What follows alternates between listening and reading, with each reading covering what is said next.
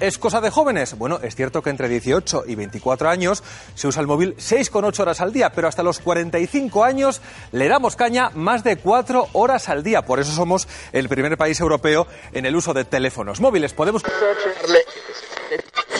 En la misma calle hasta 5 personas conectadas al móvil a poca distancia. Lo mismo ocurre en una marquesina esperando el autobús, en el cine, incluso cuando comienza la película, y en una terraza.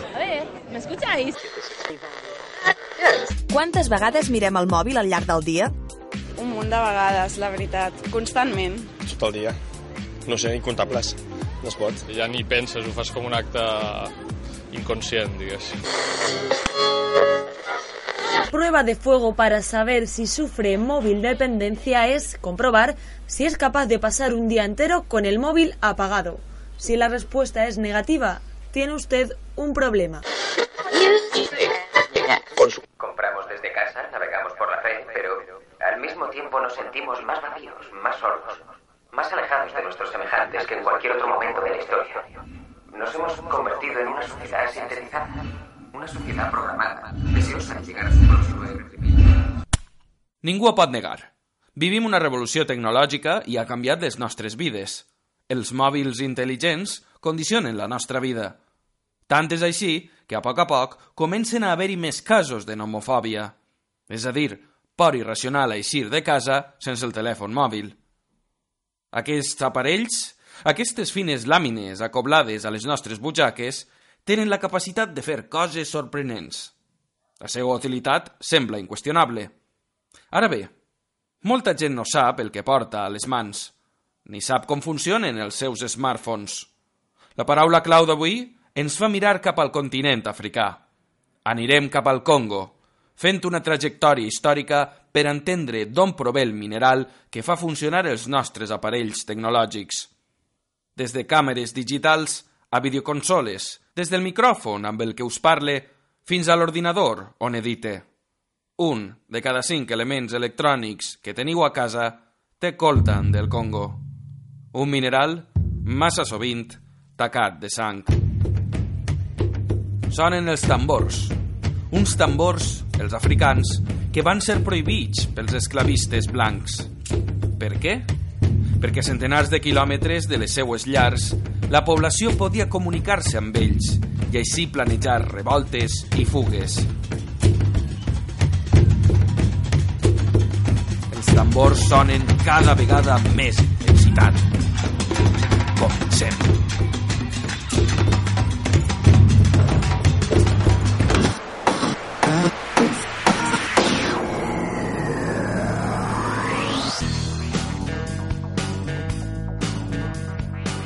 La paraula clau.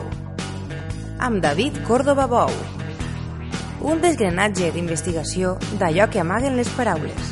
Anàlisi i perspectiva pròpia amb dicció valenciana.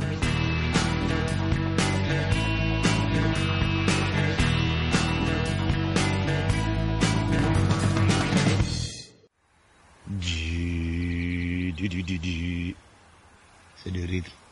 Toutes les choses, c'est du rythme.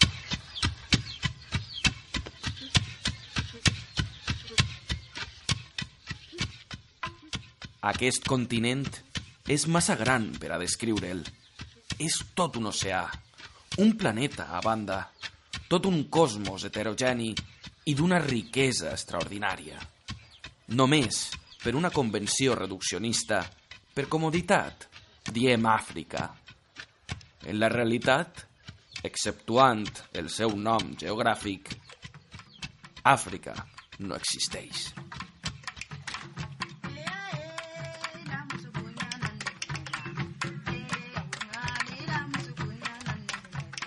Així comença Eben, de Richard Kapuscinski, una de les millors obres del periodista polonès on desgrana les seues vivències al territori africà. Un continent on destaca la seva diversitat cultural, lingüística i religiosa, una diversitat sovint considerada cultiu de conflictes relacionats amb les divisions ètniques. El que és menys conegut és que a l'Àfrica precolonial al voltant de 10.000 grups configuraven diferents tipus d'organitzacions polítiques i socials, alguns organitzats en petits grups de caçadors i recolectors, altres de manera més estructurada i també organitzacions polítiques i culturals més complexes, com poden ser les ciutats-estat de Yoruba i del Zigo. Ja des de l'antic Egipte, el mapa d'Àfrica havia estat un desconegut per als europeus. A l'Antic Testament, probablement des d'algun lloc proper a l'actual Etiòpia, se'ns presenta l'exòtica reina de Sabà, visitant al rei Salomó.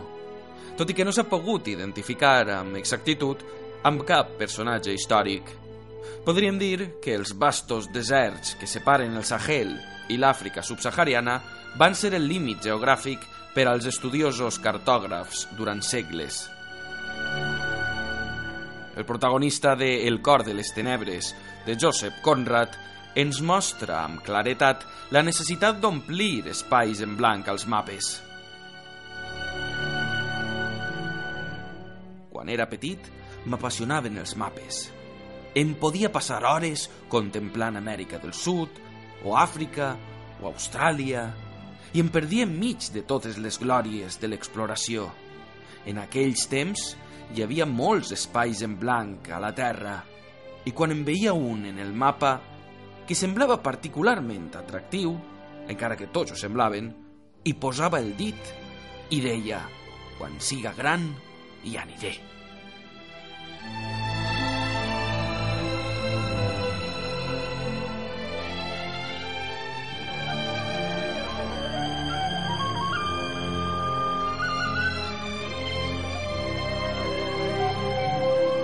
Els mercaders portuguesos a cavalles del segle XV, vorejant tota la costa africana, se n'adonen que estaven davant d'una terra d'una immensa riquesa natural, rica en recursos i particularment una font aparentment inesgotable d'esclaus forts i resistents a malalties. Les terres reben noms suggerents, sovint relacionades directament amb els materials que allà troben, des de la Costa d'Or a la d'Ivori.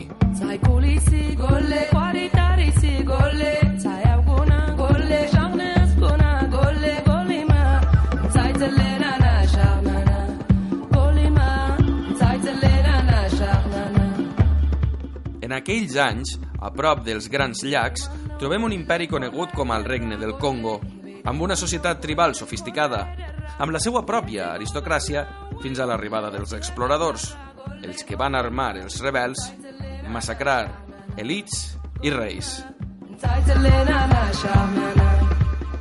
Arribats a l'any 1600, el poderós regne s'havia desintegrat en una anarquia acèfala de miniestats, atrapats en guerres civils endèmiques.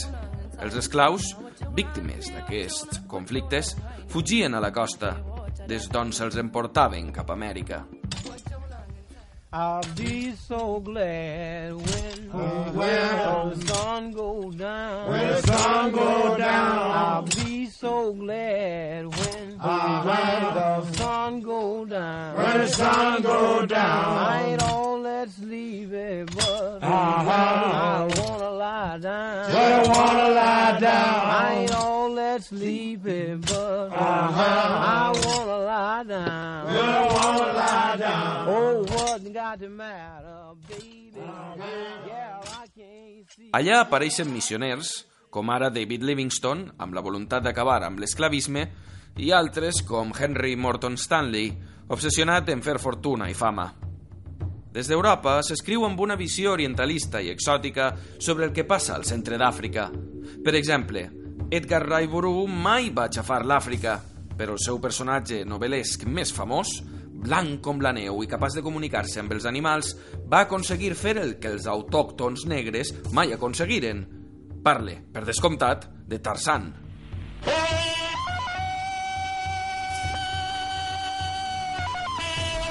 Tot i el gran nombre de grups ètnics, els conflictes emergits durant l'època precolonial són relativament pocs. Ara bé, actes barbàrics com la Inquisició a Europa o el canibalisme a l'Àfrica eren presents i es perpetuaven a tot arreu en aquells temps. No obstant això, durant l'època colonial, les èlits polítiques van fomentar la discriminació a través de la manipulació de les diferències tant físiques com culturals amb la intenció de crear divisions ètniques, beneficiant a un grup sobre l'altre com una forma de mantenir el seu poder i facilitar la governabilitat. El clàssic divideix i venceràs. Amb això, el continent es transforma en una font d'esclaus per a les Amèriques i Europa. L'esclavitud i l'extracció de matèries primeres transforma les ciutats i finança les posteriors revolucions industrials. A més d'una cambra de comerç, la taxidèrmia decorativa no estava composada només d'animals dissecats. Les col·leccions de negres africans eren també una mostra de poder.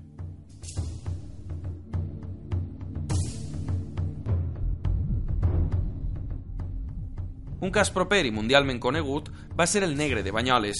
El líder de la tribu del San, de Botswana, va ser dissecat el 1830 i adquirit el 1916 pel Museu d'Àrer de Banyoles. I no va ser fins l'any 2000 que les seues restes es van repatriar i va rebre finalment sepultura.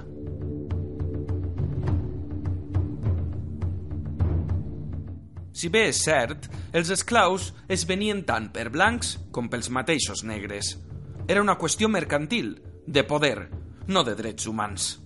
El cas de Libèria és paradigmàtic, i sense entrar en detalls, podem dir que van passar de ser esclaus afroamericans a Amèrica a ser esclavistes a l'Àfrica.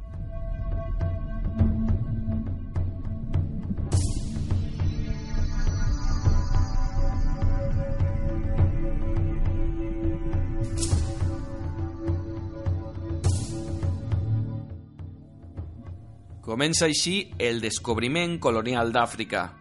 I a banda d'explotar les seues gens i els seus recursos, els misteris més curiosos es fan públics per als occidentals, com descriu Henrik Sienkiewicz al seu llibre A través del desert i de la selva, quan parla dels elefants aquàtics, és a dir, els hipopòtams. Àfrica oculta encara en el seu sí molts secrets que ignoràvem. Ja molt de temps abans, els exploradors havien assegurat que existien ací elefants aquàtics, però no se'ls va donar crèdit fins que Ali Petit, enviat pel Museu d'Història Natural de París, els va trobar, en efecte, a les ribes del llac Leopold, en el Congo. El llac Leopold anomenat així fins al 1972 i actualment conegut com a Mai Dombe, és un llac en honor al rei belga Leopold II. El sadisme encarnat en un vestit de gala que no es llevava ni per a dormir. Un exemple clarivident dels resultats colonials. Sona Beethoven, la cantata en l'ascens de l'emperador Leopold II.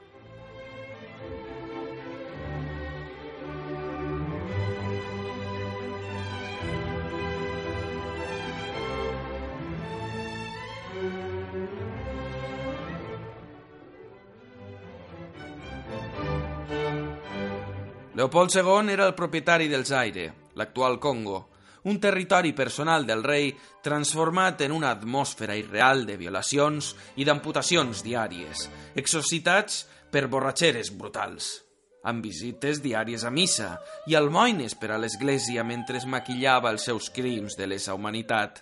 Mentrestant, feia seu l'Ibori i el cautxu i el coure de l'Alcatanga. Un monstre oblidat als llibres d'història que l'any 1885 fundà l'Estat Lliure del Congo, amb la retranca del nom implícit.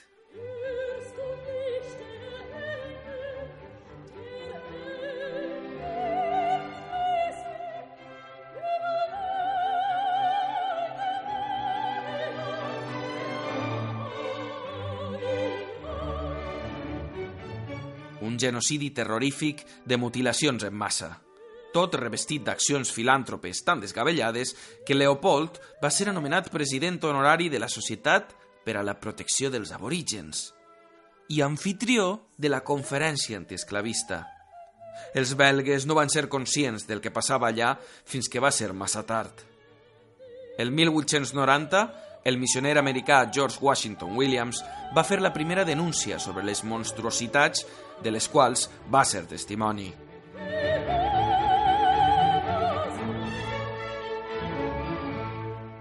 La publicació en premsa dels relats i dades arreplegades per escriptors com Mark Twain, Joseph Conrad, Conan Doyle, diplomàtics com el britànic Caseman i, sobretot, els treballs d'Edmund Den Mongel van aconseguir finalment que els governs europeus i els Estats Units d'Amèrica començaran a investigar i a oposar-se a l'extermini que s'estava duent a terme en el Congo. El poeta estadounidenc Vachel Lindsay li va dedicar uns versos al monarca.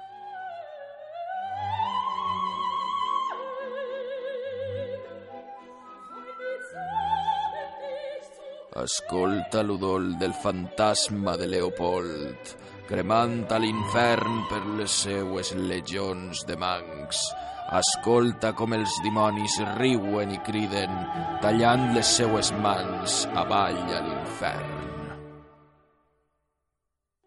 El Parlament belga, fent-se ressò d'aquest rebuig internacional, el 1908 va obligar al rei Leopold II a cedir els seus dominis de l'estat lliure del Congo, quedant tot el territori sota l'autoritat del govern, passant a dir-se el Congo belga.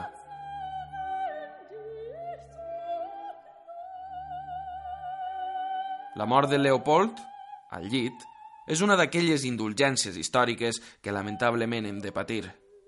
I el més sorprenent és que avui dia encara hi ha una estàtua enorme d'aquest genocida a Brussel·les, la suposada capital dels europeus, de la pau i dels drets de les persones.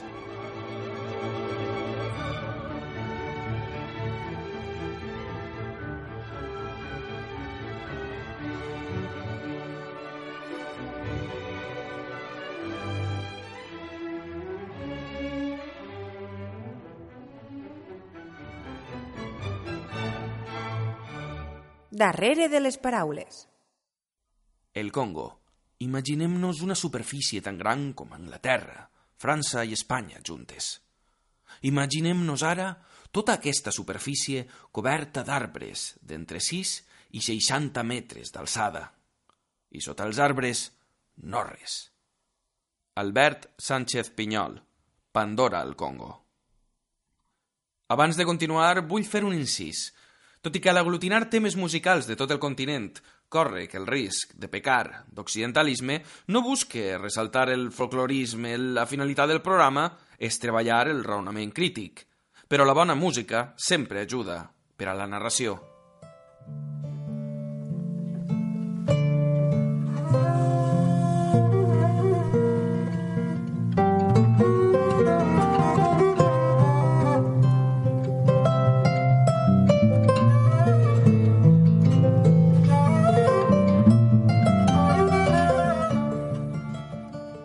Anys 60 del passat segle. Els països africans recuperen la seva independència. El cas congolès, l'antiga colònia belga, patia l'expoli i saqueig de la seva metròpolis, però aquest període es va tancar.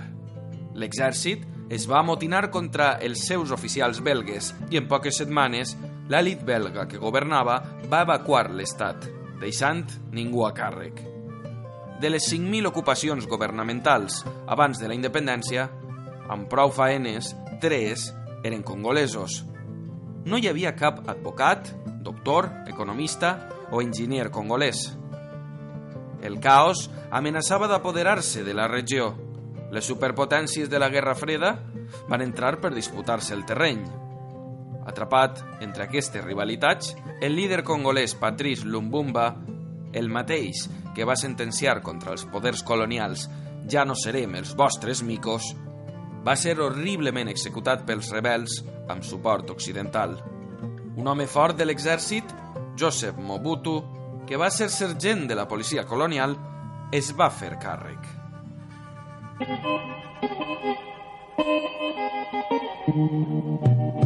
Mobutu es va convertir en tirà durant més de 30 anys de govern dictatorial.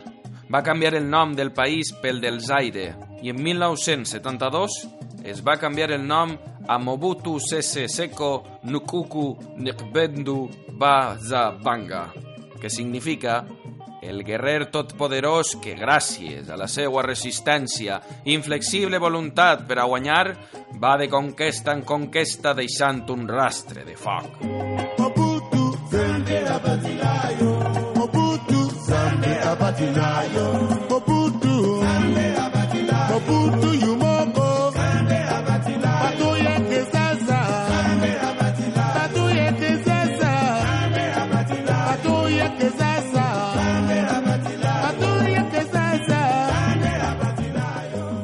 Occident no va tolerar mentre els minerals fluïren i Congo es mantinguera fora de l'òrbita soviètica. En 1996 esclata la Primera Guerra del Congo i un any més tard una aliança de països veïns, encapçalada per Ruanda, furiosa perquè Congo li donava refugi a molts dels responsables del genocidi de 1994, la va envair per a desfer-se de Mobutu. Un exiliat congolès, Laurent Kabila, va ser reclutat a Àfrica Oriental per actuar com a capdavanter. L'exèrcit de Mobutu, sense diners, va abandonar els seus homes, amb el seu avió carregat d'objectes valuosos mentre els seus propis soldats li disparaven. Ruanda havia conquistat el seu immens veí, amb una facilitat espectacular. Tanmateix, una vegada instal·lat, Kabila, la titella de Ruanda, es va negar a complir ordres, arrossegant al Congo a una guerra terrible.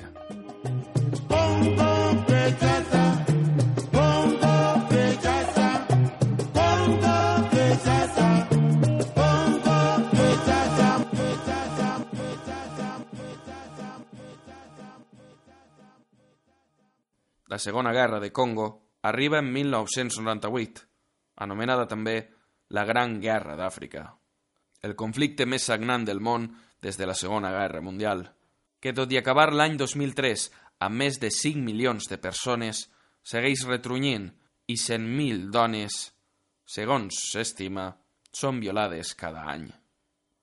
Una guerra on el salari era robar i violar.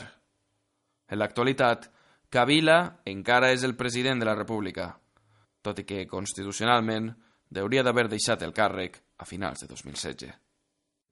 Tina Sizwe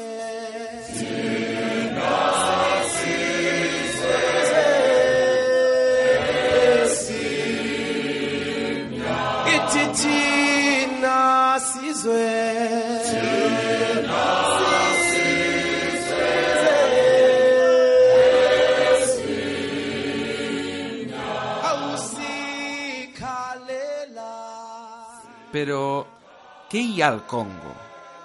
La resposta, un paradís del capitalisme salvatge i d'especuladors. Primer van ser els esclaus entre els segles XV i XIX, l'ivori al segle XIX, que es va utilitzar per a fer tecles de pianos, boles de billar, etc. Després va venir l'època del cautxú, rodes de cotxe, botelles de vi. La primera meitat del segle XX va ser l'època del coure. Durant les dues guerres mundials, així com en l'època de les de Corea i Vietnam, els nord-americans van aprofitar els recursos congolesos. La bomba d'Hiroshima va ser dissenyada amb urani del Congo. Després de l'urani, Tomb Raider, Crash Bandicoot i les supervendes de PlayStation van fer que la demanda d'un mineral pujara enormement. Aquest mineral no és un altre que el coltan. Com veiem, el Congo és una espècie de magatzem infinit i el coltan als nostres dies és el producte més cotitzat. Parlem del coltan. Parlem d'aquells que l'extrauen, com passava als temps de Lincoln, als estats de Mississippi o a Georgia, canviant el cotó pel coltan, com el poeta d'Atlanta, Saul Williams, rapeja en el seu últim àlbum, Martin Luther King, amb la seva cançó Colton as cotton. Colton as cotton. Hacking the hazardous nuclear, blue clear, cloud forming fish farm, cow farts and pig shit, hacking a horse, industrial, digital, hacking a code. Use your instrument as metaphor, harness your craft, hacking to the mainframe, dismantle definition, dogman duty, hacking a destiny, hacking a dream, subtext and subconscious, hacking the heart, cardio, Congo, blood rich in oil, hacking to suffering and despair, hacking to the unfair advantage of those lucky enough to be born into one family or another, into one condition or another, hacking to the circumstantial evidence that proves the obvious and wakes the oblivious, hacking the birthright, bloodlines, royal and tainted, hacking the superstition, old wives' tales, the rituals of the shaman, hacking the chemistry, the pharmaceutical industry, the modern day rape of the forest, hacking the DNA, the coiling serpents, the time it takes for modern man to determine whether ancient men were foolish or not, hacking to the database, hacking to the subconscious to panel mark survival, hacking to celebrity, hacking to the cultural development of taste, hacking to violence, fear, and ignorance. How are they linked? La paraula clau. El coltan, com bé descriu Alberto Vázquez Figueroa, a la seva novel·la amb el mateix nom, és l'abreviatura de columbita tantalita, una sèrie de minerals formats per la mescla de tots dos. De color blau metàl·lic apagat, d'ell s'extrau el tàntal, que presenta una gran resistència a la calor, així com extraordinàries propietats elèctriques. El nom de Tàntal, segons la mitologia grega, prové del suplici de Tàntal. Tàntal era el fill de Zeus i de la ninfa Plutó. Era extraordinàriament ric i famós i va ser un dels pocs mortals que fou honrat pels déus. Tant va ser així que els déus li van permetre menjar a la taula de Zeus i escoltar tot el que els immortals parlaven entre ells. Tàntal ho va explicar tot als seus amics humans. Va robar objectes dels déus i els va repartir. Com a càstig, va passar la resta dels seus dies vivint dins d'un estany fins a l'altura de la cintura. Allà, a la vora de l'estany, hi havia un enorme arbre fruiter. Quan Tàntal tenia set, s'acostava la boca cap a l'aigua i l'estany s'assecava.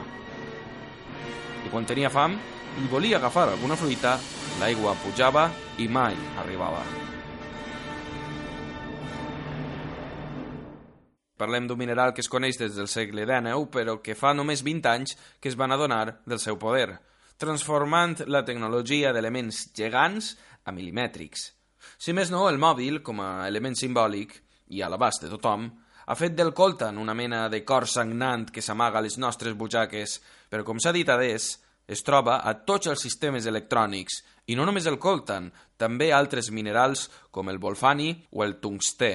Excavats a llaciments de forma molt rudimentària per presoners de guerra, refugiats de guerra, per xiquets explotats i segrestats, que busquen la columbita i el tàntal, sempre vigilats per soldats. Moren per l'explotació, per col·lapse dels túnels, per malalties a causa de la falta d'aigua potable, per la lluita dels grups armats de les mines de Kibu, grups formats per joves sense treball, per poder tindre l'iPhone d'última generació.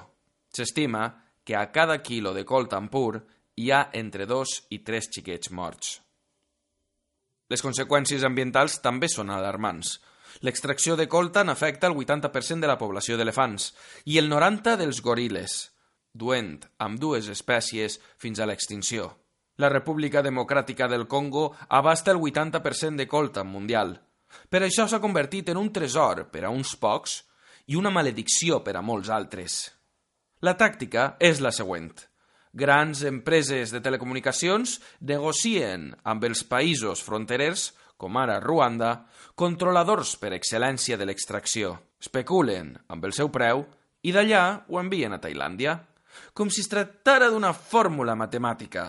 País ric en recursos naturals igual a país disputat. País ocupat, país danyat. No falla!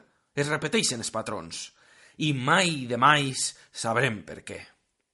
Això cantava el manacorí Guillem de Fac, nascut a Guinea Equatorial i una de les veus més oblidades de la nova cançó. Un home singular i talentós, conegut en aquells temps com el negro que cantava en català. Mai de mais. Mai de mai sabrem per aquells mai de mai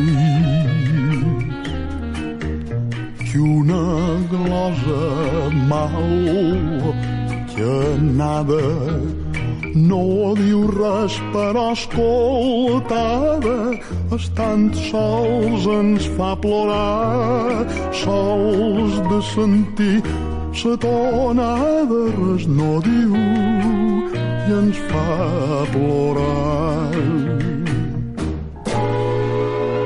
Ria rialla de blat porllat, a on ets, rialla verge, rialla on te n'has anat. Bolla de sucre esponjat, ulla marolla convida per a que m'atraireu tant. De mais. Qui de l'altre es podrà dir quants de cors tots sols batallen sota el cel de mitjanit. Tot voltant el campanar, quantes lluernes se n'encenen provant de dormir o plorar. Mai de mais. Mai de mais sabrem per què que una glosa mal que nada no diu res però escoltades tan sols ens fa plorar. Sols de sentir sa tonada res no diu i ens fa plorar.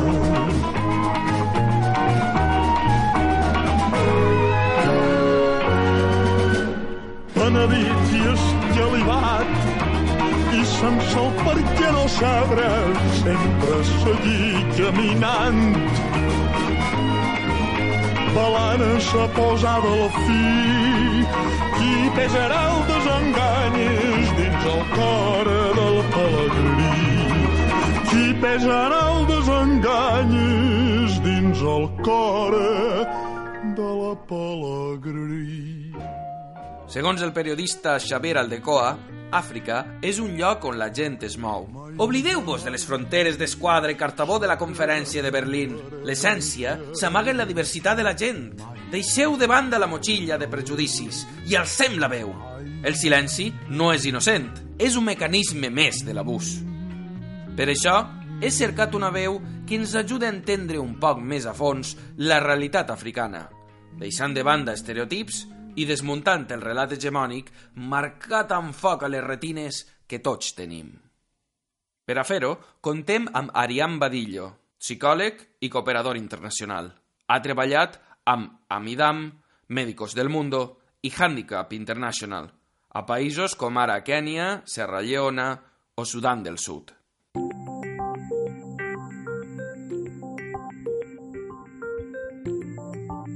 En clau d'entrevista.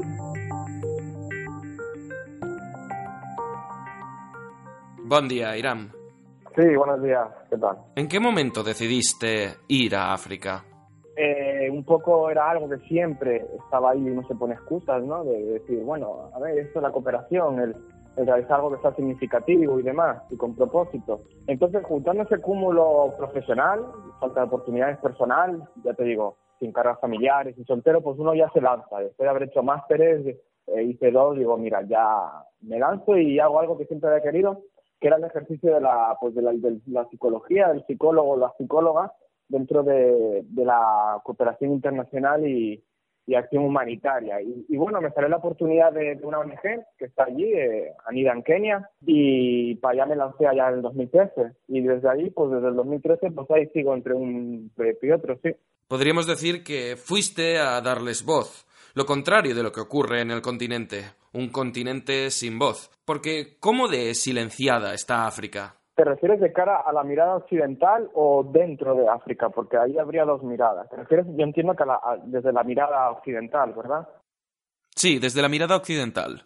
El, el, motivo de que esté silenciado África, yo creo que es un cúmulo, como te digo, de circunstancias. Yo creo que, concretamente, yo creo que no interesa África sencillamente porque no es un lugar donde la gente crea que se puede sacar una información relevante, donde se puede sacar una variedad o una variabilidad exquisita e increíble de, de conocimientos, de cultura, de etnia, de, de gastronomía. Porque al final lo que interesa es cosificar, eh, hacerlo como un conglomerado único que será en este caso un continente, África, y considerarlo como un país, que es lo que ocurre muchísimas veces. Considerar eh, África como si fuera un país cuando tiene, eh, no sé si me equivoco, 54 o, o 55 países si consideramos el, el Sáhara. Eh, cuando uno ya simplemente escucha que son eh, 54 o 55 países, uno inevitablemente tiene que pensar que África no es lo que nos han vendido, eh, sabanas, eh, niños africanos malnutridos. África es muchísimo más que eso. Lo que pasa yo creo que no interesa porque no, no hay, no hay un incentivo eh, de los países desarrollados por querer saber algo más que, que, que el estereotipo o el estigma que se le quiere hacer a África. Básicamente porque no interesa, porque no dentro de las estructuras de poder creo que no les, no les hay, no hay una rentabilidad económica que les pueda generar África más allá que precisamente mantener esos estereotipos que les ayudan en las estructuras de poder. Pero realmente creo que el poder en sí mismo le interesa que África esté estereotipada, ya que la mantiene bajo control, mantiene un lugar, en este caso un continente eh, cosificado, eh, estereotipado, porque es una manera de decir, bueno, ahí está África, no lo tocamos, utilizamos eh, la información que queremos y vamos a seguir poniendo la información que nos da la gana, que son guerras, guerras, guerras y masacres. Que bien es cierto que sí que existen, no vamos a minimizar y- y- y decir que no existen guerras en África porque realmente las hay, pero ¿hasta qué punto uno cree que solo existe lo que nos muestran los medios occidentales? Creo que realmente uno puede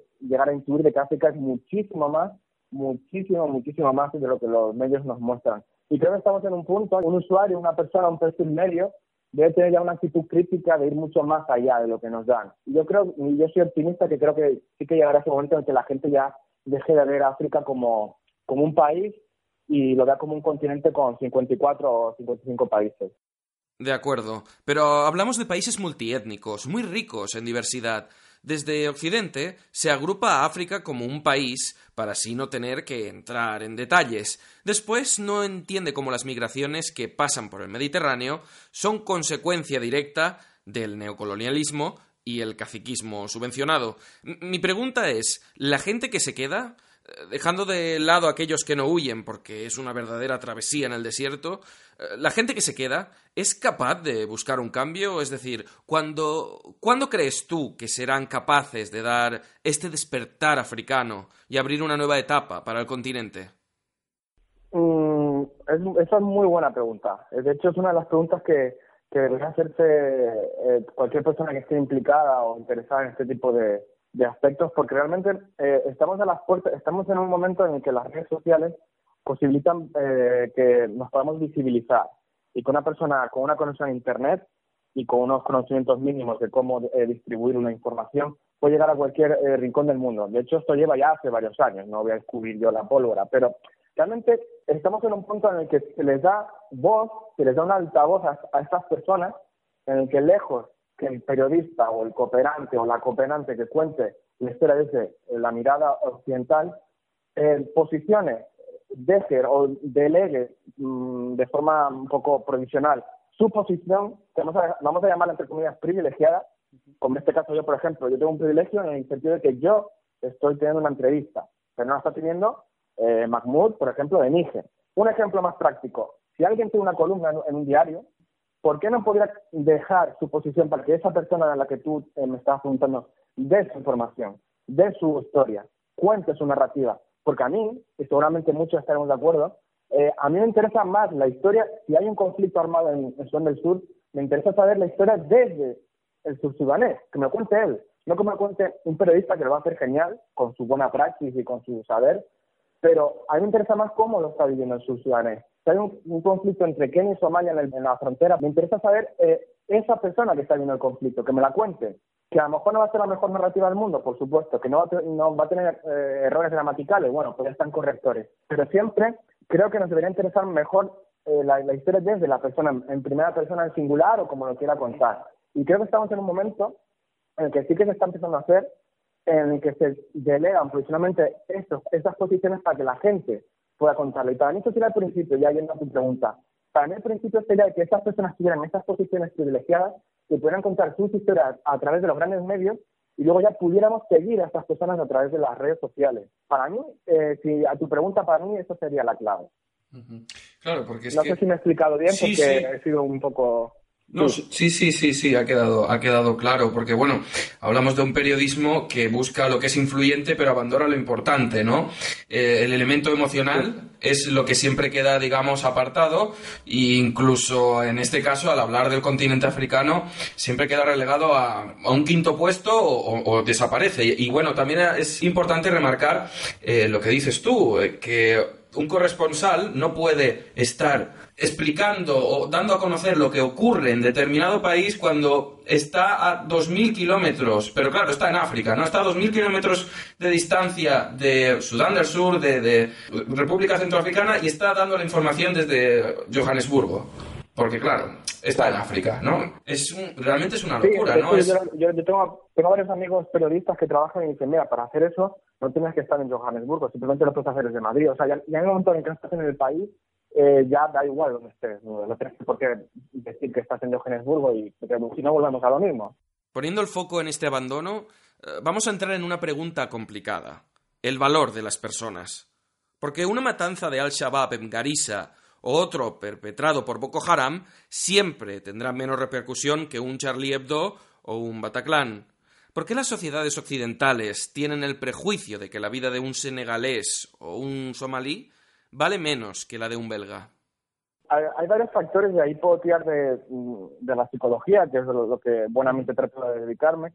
Eh, hay varios factores y algunos son más eh, comprensibles o entendibles que otros. Digamos que en algunos habría, no habría deshumanización, es decir, quitarle el valor humano a, a esta persona, y en otros ya quizás ya sí que empezaría un poco ese, ese componente. Hay un aspecto que se llama efecto de proximidad, que es básicamente a ti eh, te afecta o te toca más eh, el componente emocional eh, en la medida en la que cercanía en que tú sientas ese, ese suceso trágico. Ahí entenderíamos, incluso dar- daríamos, mm, lo que saltaríamos una lanza a favor eh, del hecho de que uno sienta más el Charlie Hebdo eh, de París, que uno sienta más aquellas eh, matanzas que existan, la que hubo en Niza, si no me equivoco, estaba en misión, pero creo que hubo en Niza también, y siente uno más eso por el hecho de ser europeo, por el hecho de ser francés. Eh, el problema creo que eh, estriba cuando esa pertenencia a un grupo hace que mi sentimiento de cercanía hacia, hacia mi grupo haga que yo diga que el, valor de la muerte de un, de un tercero y que esté lejano sea menor. Ahí quizás yo entraría ya en un aspecto de deshumanizar o de minimizar. Tenemos que saber que si una persona tiene una actitud crítica, tiene que saber que el hecho de que sienta un efecto de proximidad hacia su país, el que ocurra el 11M, es normal que me afecte más que, que si ocurre algo en, Myanmar. Pero es que las muertes de Myanmar no valen menos que las que hubo en el atentado de Madrid. A mí me da la sensación, y, esto sería pues un debate a, cada uno que esta sensación le produce, pero a mí me da una, una sensación de que la gente tiende, consciente o inconscientemente, a valorar la muerte de la persona con mayor o menor rango de importancia según el país de procedencia. Y no me parecería mal que una persona pensara que, bueno, si ha, si ha muerto en, en Francia, lo siento más que si ha muerto en, en el Líbano. Pero ¿hasta qué punto esta persona va a pensar que la muerte en Líbano son menores, son efectos colaterales o tienen un valor mucho menor de pérdida? Es ahí donde tiene que estar ahí la pregunta, yo creo. Si estamos viviendo en un mundo, en una sociedad en la que el valor se eh, mide dependiendo de la procedencia, entonces eso es una grandísima mala noticia para la humanidad. Y creo que sí que ocurre. Creo que sí que ocurre y creo que el valor de la muerte no debería estar condicionado por la procedencia, pero eso ocurre. Y esto volveríamos, volveríamos un poco a lo mismo. Juega un, un factor primordial los medios. ¿Cómo apunta en la historia? Tienen que tener mucho más cuidado cuando mueren en, en un país desarrollado, hay una serie de matanza, una masacre, un- lo que sea, utilizan con mucho cuidado el vocabulario.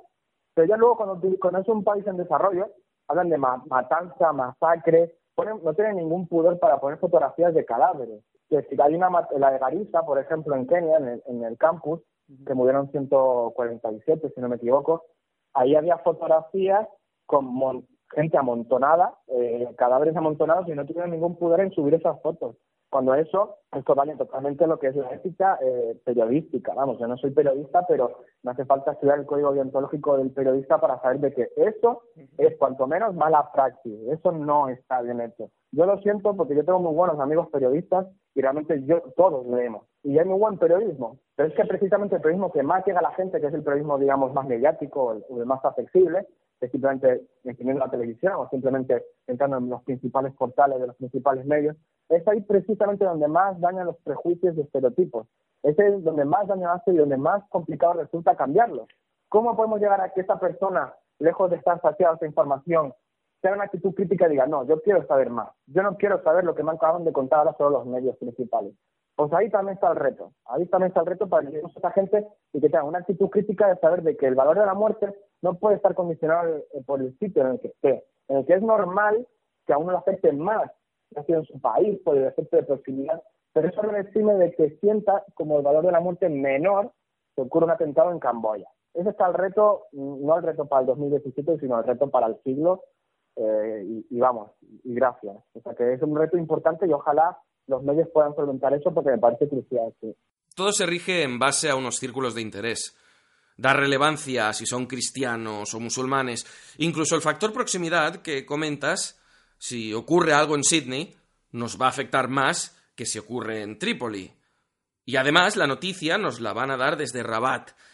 Pero bueno, creo que es una cuestión de tiempo, porque el mundo está interconectado. Igual con el tiempo lo conseguimos. Eh, quiero poner el foco, Airam, ahora en tu página web, Africamente, ya que está llena de ejemplos que se esfuerzan por demarcar la África real. Cuéntanos un poco iniciativas que luchan por romper este molde.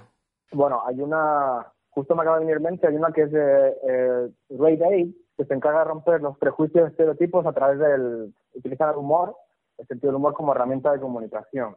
Es una página noruega que se encarga de como dar regalos como radiadores a, a aquellas eh, ONGs que utilizan más el estereotipo, la condescendencia, les regalan como radiadores. El símbolo de regalar un radiador es que ¿por qué siempre lo- los países desarrollados, o en este caso los países nórdicos, porque es una, es una propuesta de Noruega, tienen que ser los que sientan pena por África y tienen que ser los que dan eh, ayuda? ¿Por qué no podrían, por ejemplo, los africanos, eh, las personas de- del continente africano, que les proveyeran de ayuda a los noruegos cuando precisamente en invierno pasan muchos fríos? Pues con esta lógica de, eh, con clave de humor, se dedican a regalar radiadores, eh, calefactores a los noruegos porque los pobrecitos tienen mucho eh, frío en invierno. Y han, han lanzado, eh, cada, cada invierno lanzan una propuesta en clave de humor sobre los prejuicios y estereotipos y a mí ese portal me parece, aparte de muy gracioso porque lo hacen, en, lo hacen precisamente para eso, pero tienen, tienen un lema que es clave, que es los estereotipos dañan la dignidad de las personas. Y ot- otro aspecto muy importante es hablar de dignidad. O sea, una persona que tenga eh, dignidad es una persona que, por ejemplo, si está bajo el umbral de la pobreza, eso no quita que tengamos que bajar el umbral de dignidad. Esa persona tú eres condescendiente, paternalista, que dices, pobrecito, hay que ver, esto no te debería ocurrir, te voy a padrinar. Estos son factores de condescendencia que ayudan a que esa persona de forma inconsciente tenga menos dignidad como persona. Y no porque esté bajo el umbral de la pobreza, esté excluida, tenga problemas socioeconómicos, tenemos que bajarle la dignidad. Y sin querer, y es una forma, digamos, de ayuda en positivo, pero sin querer, esa ayuda lo que hace es rebajarle como persona, aunque le estemos eh, ayudando, pero y ya más, por supuesto, si es caridad, eh, la caridad en sí misma perpetúa los- lo, lo que es la pobreza, porque yo te doy un dinero ahora, pero no te estoy incentivando en cómo tú puedes desarrollarte como persona para que no dependas de mí. Entonces, el hecho de que una persona no dependa de ti, que sería también autosuficiencia, es una manera de empoderar, de capacitar a esa gente. Bueno, dignidad no es la palabra. Como psicólogo, ¿cuál crees que es la mejor forma de concienciar sobre el carácter humano de África y sus gentes? Pues yo creo, mira, eh, si uno realmente tiene que autodescubrirse qué es la mejor manera en la que uno quiere mantenerse informado. Hay libros buenísimos en África de gente que precisamente te cuenta eh, el día a día de- del continente. Si a una persona le gusta la literatura, no tiene ningún tipo de excusa porque está lleno de escritores. Que uno quiere ver películas, pues también, y ver películas buenas, cine independiente. Que quiere aprender también sobre África, pues seguramente hay un museo étnico, lo que sea, sobre todo en grandes ciudades, no te digo que igual si trabajas en una ciudad pequeña lo tengan, pero el abanico es, es realmente ya infinito casi, me atrevería a decir. El tema es hasta qué punto esa persona desea ir más allá, desea un poco eh, impregnarse, empaparse de esa, de esa información más allá de lo que nos ofrecen, pero si alguien quiere humanizarse, yo creo que excusas ya no tiene, tiene, tiene una- un abanico extenso y realmente con cuatro clics en, un- en un portátil, en un ordenador, puede ir mucho más allá de lo que nos ofrecen los medios. Pues lo vamos a dejar aquí, vamos a remarcar que el siglo XXI es el siglo de la autosuficiencia y... Ojalá. Sí, bueno, ojalá, pero la- las, las armas las tenemos, las herramientas están, ya es una cuestión de concienciar a la gente. Exacto. Pues Airam, ha sido... de hecho, es- así, así se resumiría. Lo has, clavado porque realmente eh, el abanico, la- la- las armas, las herramientas, los recursos, las capacidades están. El- ahora, ahora está eh, el reto escriba en cómo utilizarlas, pero están y llevan ya varios años, por lo que ahora tenemos ese reto. sí. Pues Airam, ha sido un placer, te deseo mucha suerte. Nada. Y bueno, no Nada, sé el placer- el placer mío de que, de que me hayáis llamado y, y nada, pues para cualquier cosa que necesitéis, pues yo, yo estoy disponible, por lo que haga falta. Pues muchas gracias, buen día y gracias. Bueno, un abrazo. Adeu. La paraula clau. La visió d'un continent perillós, incapaç de desenvolupar-se, dominat per la violència, analfabetisme i corrupció, són tòpics simplistes. El simplisme és la base de la ignorància, l'arma primera del capitalisme, fer que no entenguem d'on provenen els productes que comprem, per així no extreure conclusions, per així no qüestionar res. Si parlem de la realitat mediàtica africana, un exemple actual és Gàmbia, un estat que ha estat a punt de patir una guerra civil. Yahya Jammeh, dictador durant els últims 22 anys, va perdre les últimes eleccions i no volia deixar el càrrec. La cosa s'ha tensat molt, però la societat gambiana i els països fronterers i germans han donat suport a la democràcia. Jammeh ha cedit a les pressions i es marxà de Gàmbia deixant el poder al legítim successor en el càrrec, Adama Barrow, qui va guanyar les eleccions al desembre passat. Malauradament, aquesta notícia ha estat escombrada pels piulets de Trump o la dislèxia de Rajoy. En clau multimèdia. To be frank with you, I'm not a very uh, skilled uh, diplomat. I am uh, bad at uh, protocol. Mais il n'est pas un diplomate talentueux. But I'm very good with alcohol. A continuació vos recomane un documental amb molt poc a veure amb els documentals clàssics. How did I become a diplomat in the Central African Republic? Parlem d'un periodista danès que arriba a la República de l'Àfrica Central infiltrat com a ambaixador d'una missió diplomàtica. Una radiografia tragicòmica postcolonitzadora dels europeus al país. Corrupció, diamants, senyors de la guerra, immundícia diplomàtica, Land esclavisme... is your land, and this land is my land, from the California to the New York Island. The Ambassador no us deixarà indiferents. That's nobody's business but the text. Stumble.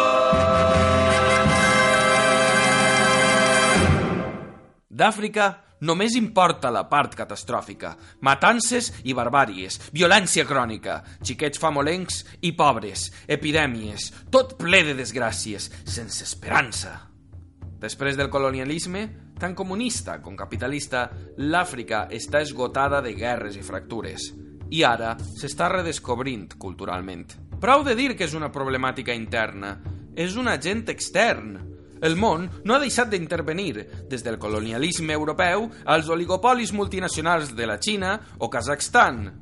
L'autocràcia és encara vigent, però molts dictadors són educats fora de les seues fronteres i són sostinguts per governs exteriors amb una fórmula maleïda. Un crepuscle local mà a mà amb els de la metròpoli actuant en el seu nom i reproduint les ideologies externes. Són els mateixos poders africans els que financien les campanyes electorals dels partits a França, mentre els francesos els facin costat per a mantenir els seus governants. L'emancipació africana passa per la sobirania dels pobles. Únicament quan el poble tinga el poder podrà decidir el seu futur i canviar les coses. El desenvolupament és endogen, s'ha de produir dins d'ells, no des de fora. Recuperar valors africans com ara solidaritat, hospitalitat... L'Ubuntu, en Bantu, no és una altra cosa que jo sóc perquè nosaltres som. Àfrica necessita una classe mitjana forta per avançar, la força vital de la societat africana de les 2.000 cultures. Responsabilitat, governs legítims, deixar de viure de la caritat, acabar amb els països rics que donen diners en mà a africans rics, l'elit negra intel·lectual, white power in black faces. Prou de culpar de tots els seus mals a Occident i lluitar contra la mundialització del sistema, treballar per la humanització de la globalització, els humans per damunt de les matèries. És hora de voler treballar pel seu renaixement. Utòpic, o sé. Sona com Charles Chaplin al final del gran dictador. Pot ser. Però com deia Ovidi Montllor, no pense pas donar-me per guanyat.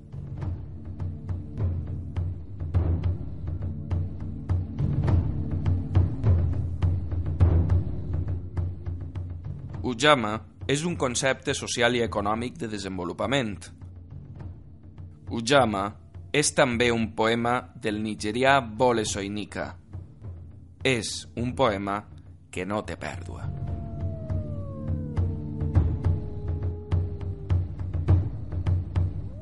La suor és llevat per a la terra, no el seu tribut. La terra plena no desitja homenatge per a la feina de casa. La suor és llevat per a la terra, no un homenatge per a un déu en la seua fortalesa. Les teues mans de terra negra desencadenen l'esperança de missatgers de la mort, de caninomanoids endogàmics que resulten més macabres que la parca, insaciables predadors de la humanitat, la seua carn. La suor és llevat, pa, ujama, pa de la terra, per la terra, per a la terra. La terra és la gent.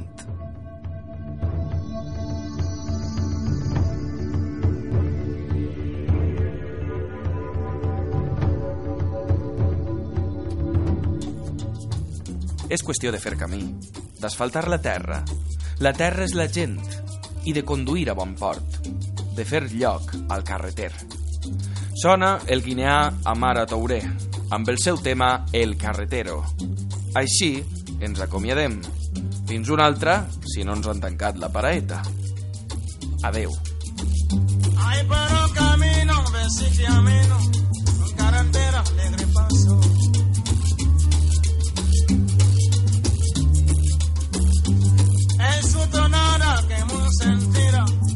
Y